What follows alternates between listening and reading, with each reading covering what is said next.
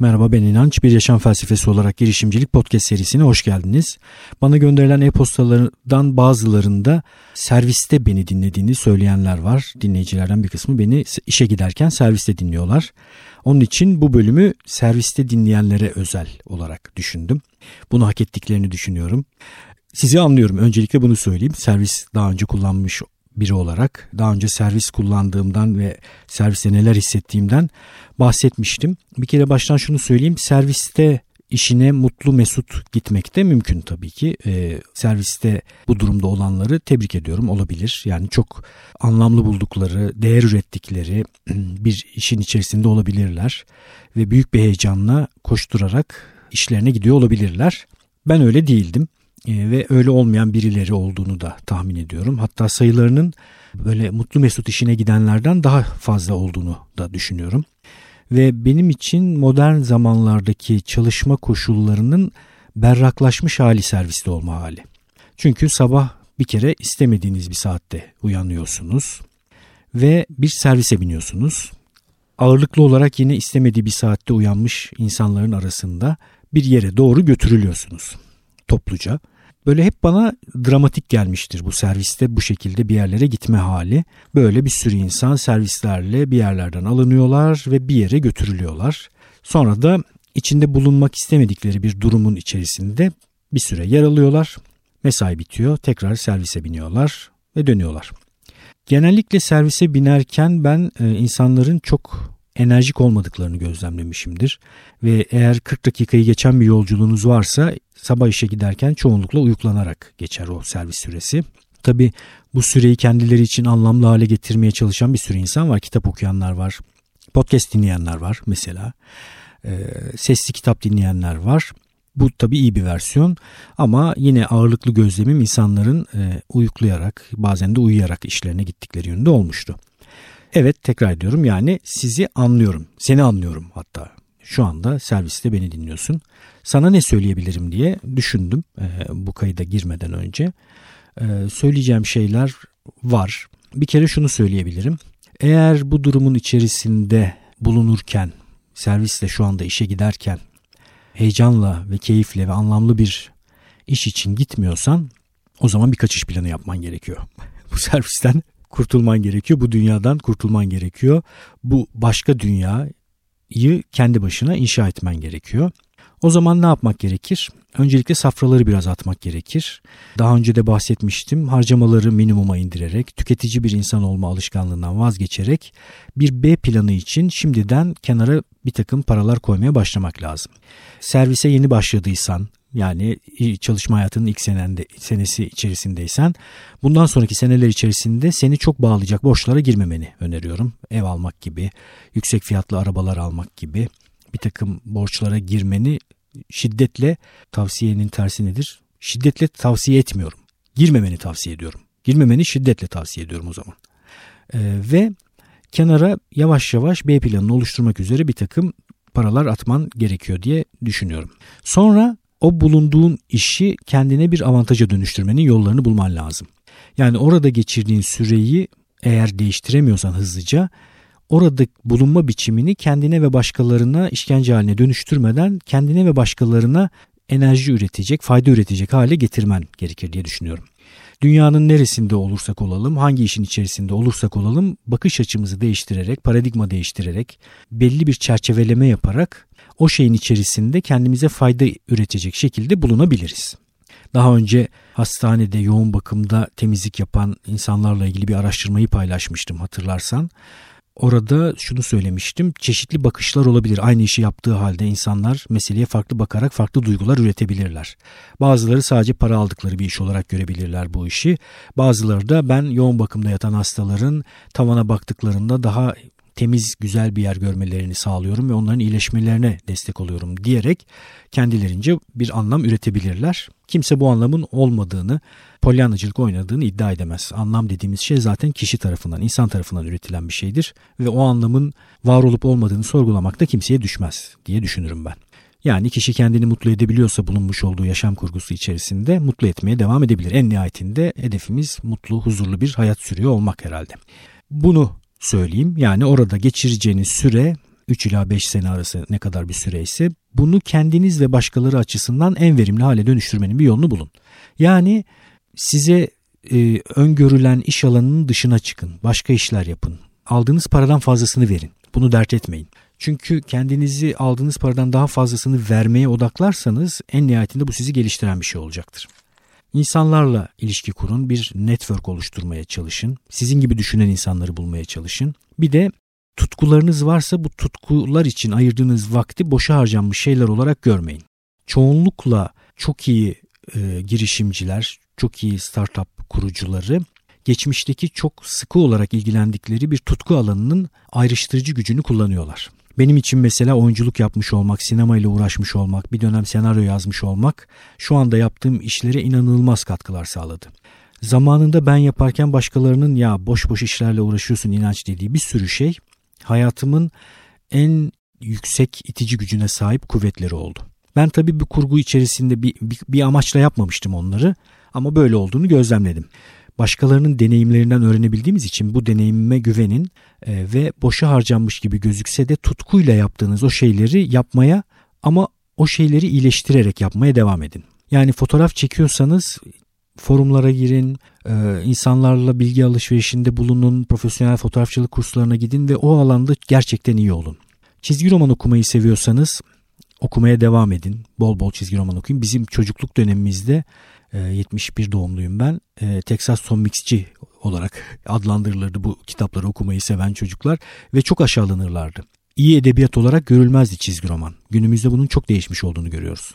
Ben tabii hiçbirine kulak asmayarak Texas Son Mix Zagor, Kızıl Maske, Mandrake hepsini e, okumuştum.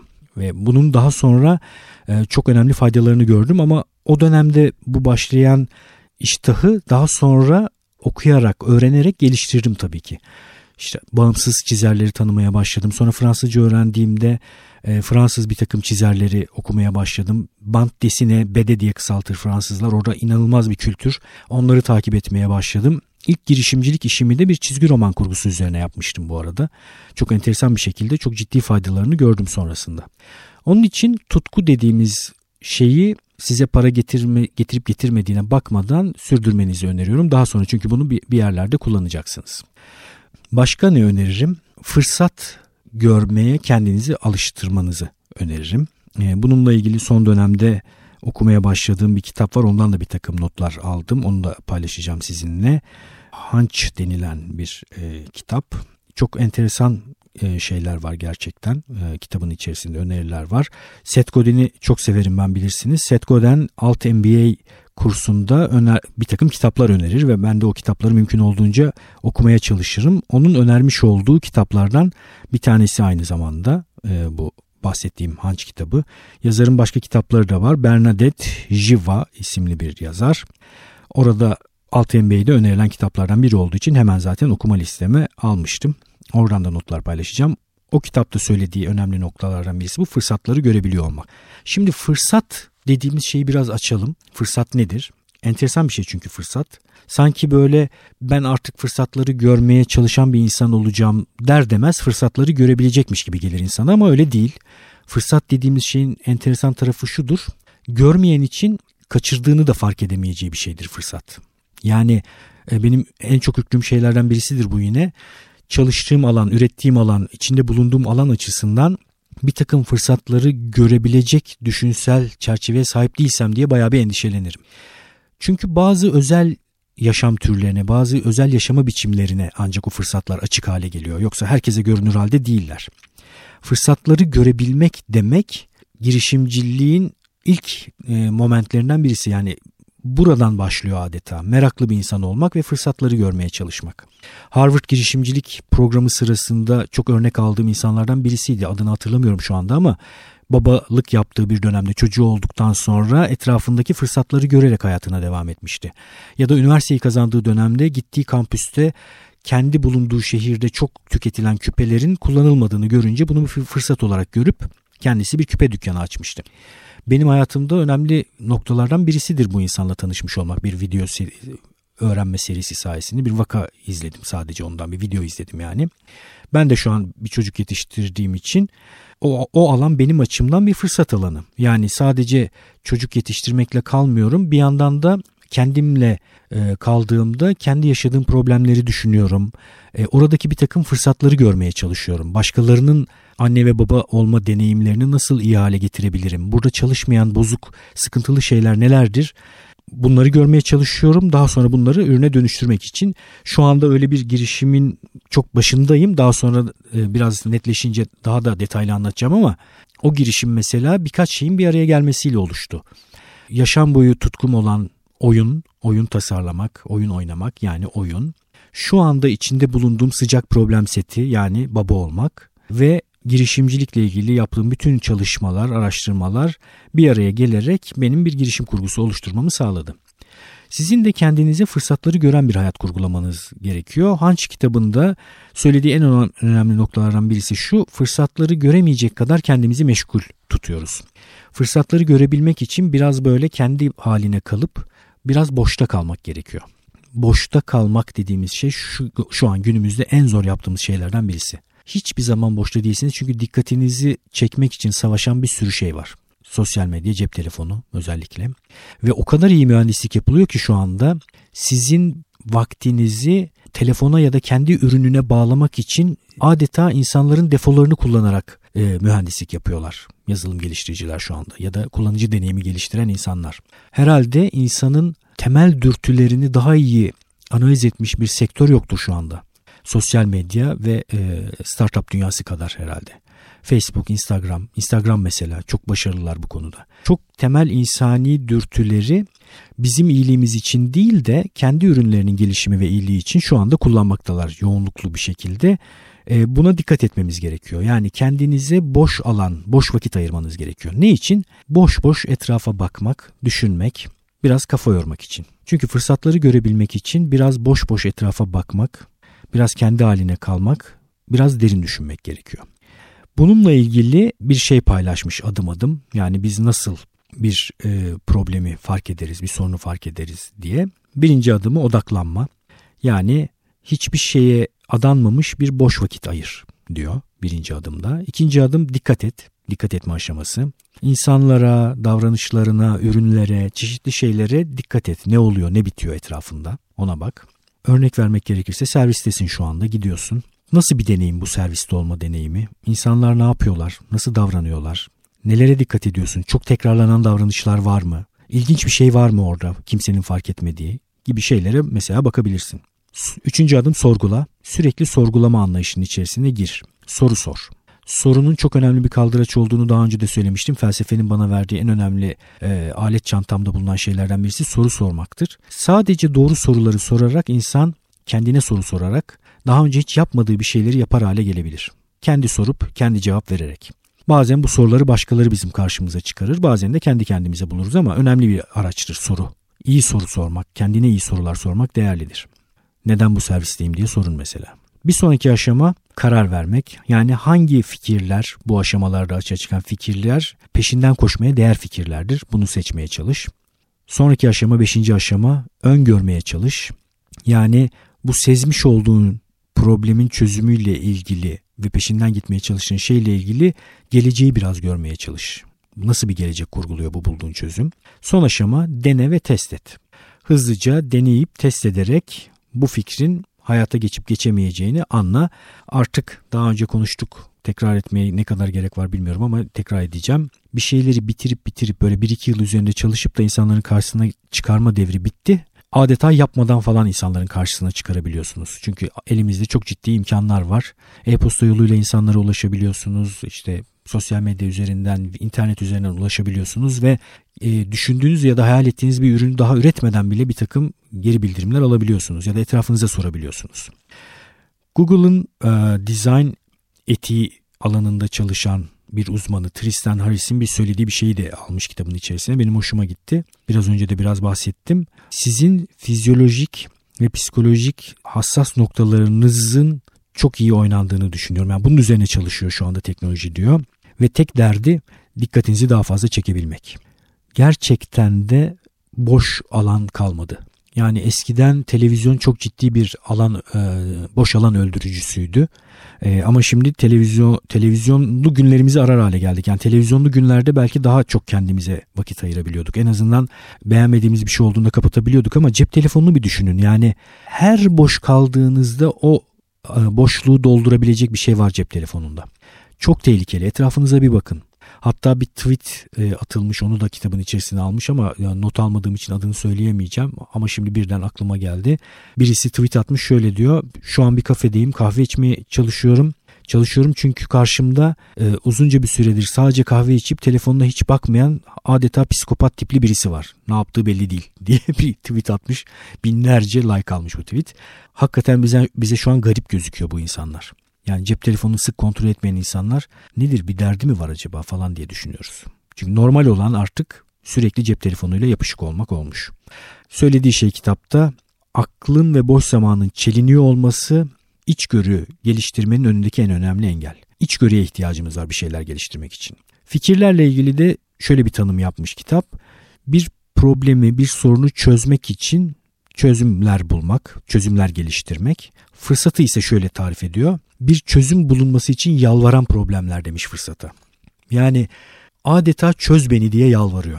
Ve e, hunch dediği şey kitabın ismi yani ön sezi diye çevirebiliriz herhalde ön sezi. Şu ikisinin birleşiminden oluşur diyor. Insight yani içgörü artı foresight yani uzgörü, geleceği görmek. İçgörünün içerisinde ne var? Çeşitli örüntüleri, benzerlikleri, benzeşen yerleri fark etmek ve eylemin içerisinde bulmak, pratik, bulunmak, pratik yapmak. Uzgörünün içerisinde ne var? Potansiyeli fark etmek ve tahminler yapmak. Bunu birleştirince ön sözüye sahip oluyorsunuz diyor. Ve üç tane eylemi çok öneriyor. Merak, empati ve deneyim. Bu üçünü hayatında bulundurursan senin açından da merak ediyor olma duygusu, insanlarla empati kuruyor olma duygusu ve deneyimin üzerine düşünme eylemi sürekli yaptığın bir şey ise fırsatları görmeye yavaş yavaş başlayacaksındır. Ben genelde şöyle bir şeyi gözlemliyorum. Ee, sezgi karşı fikirleri çok sevdiğimi biliyorsun. Yani daha önce de söylemiştim çünkü podcast içerisinde serviste beni dinleyen kişi şu anda. Biliyorsun bunu. Daha önce dinledin herhalde. İlk 10 bölümü zaten dinleyin diyorum. İlk 10 bölümü dinlemeden podcast'i dinlemenin çok anlamlı olmadığını söylüyorum. Bunu tekrar söylemiş olayım. İlk 10 bölüme Karnaval'ın epi üzerinden ulaşamayanlar varmış. Web üzerinden ulaşabilirsiniz. Galiba bir teknik problem var.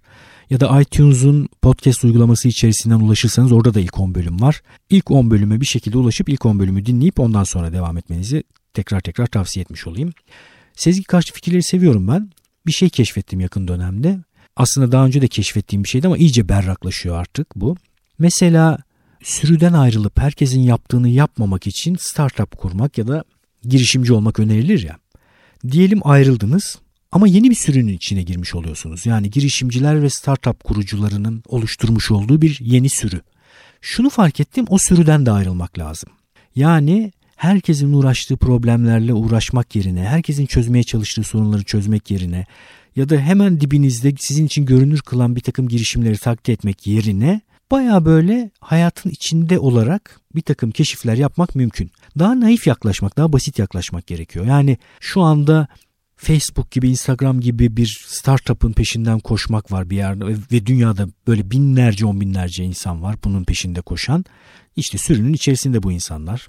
Ya da bir SaaS kurmaya çalışan bir yazılım servisi kurmaya çalışan bir takım insanlar var. Yapılabilir bu arada hani şey yanlış anlaşılmasın da ama en nihayetinde orada da bir sürü oluş, oluşmuş durumda ve sürünün olduğu yerde rekabet vardır, birbirini ezme vardır, birbirinden bir şeyler koparma vardır. Ben sevmiyorum sürü e, konusunu. Yani sürüden ayrıldık, girişimci ve startup kurucusu olmaya kalkışıyoruz. Oluşan sürüyü hemen fark edip yine sezgi karşıtı davranıp kimsenin yapmadığı şeyler bulmaya çalışmak lazım. Ben şu an Türkiye'de hemen hemen bir sürü alanın kaliteli insanların dokunuşuyla çok iyi hale gelebileceğini düşünüyorum. Her yer feci durumda. Yani onun için mesela kaliteli insanların kurduğu restoranlar gerçekten e, çok iyi yerlere geliyor. Kaliteli insanların kurmuş olduğu bir takım e, girişimler çok iyi yerlere geliyor. Özellikle de bu kalite daha önce kalitenin ulaşmadığı bir takım yerlere ulaştırılıyorsa zaten birden uçmaya başlıyorsunuz. Yani kendimi tekrar etmiş olacağım ama sürüden ayrıldığınız diyelim ki yeni oluşan sürüden de ayrılın. Herkesin uğraştığı şeylerle uğraşmak yerine daha önce kalite götürülmemiş bir takım alanlara kendi kalitenizi götürmeye çalışın. Böyle bir sürü alan var. Türkiye bu konuda cennet.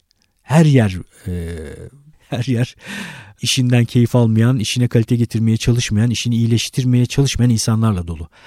Ve bütün bu kavramları çok iyi bilen, iyileştirmeyi iyi bilen, satışı, pazarlamayı iyi bilen, insanların hayatını nasıl daha iyi hale getireceğini iyi bilen ama bunları sadece belli alanlara uygulamaya çalışan da bir sürü insan var.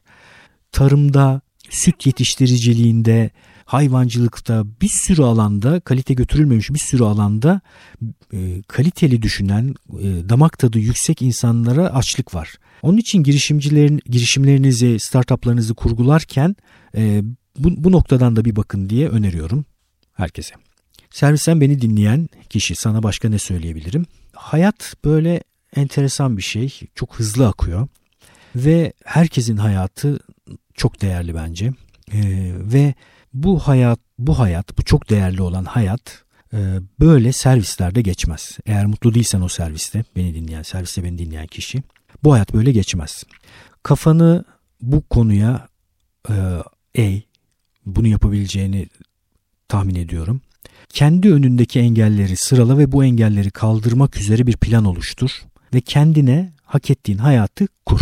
Bunu yaparken de odağını içeri al, aktüelle boğuşma, potansiyele bak, sürekli düşünüp durma, eyleme geç, e, insanlarla birlikte hareket et, ekipler kur, hayal etmeye devam et ve bir şekilde kendini en azından bir süre sonra sevdiğin bir hayatın içerisinde bulacaksın diyorum. Umarım da bir an önce bulursun.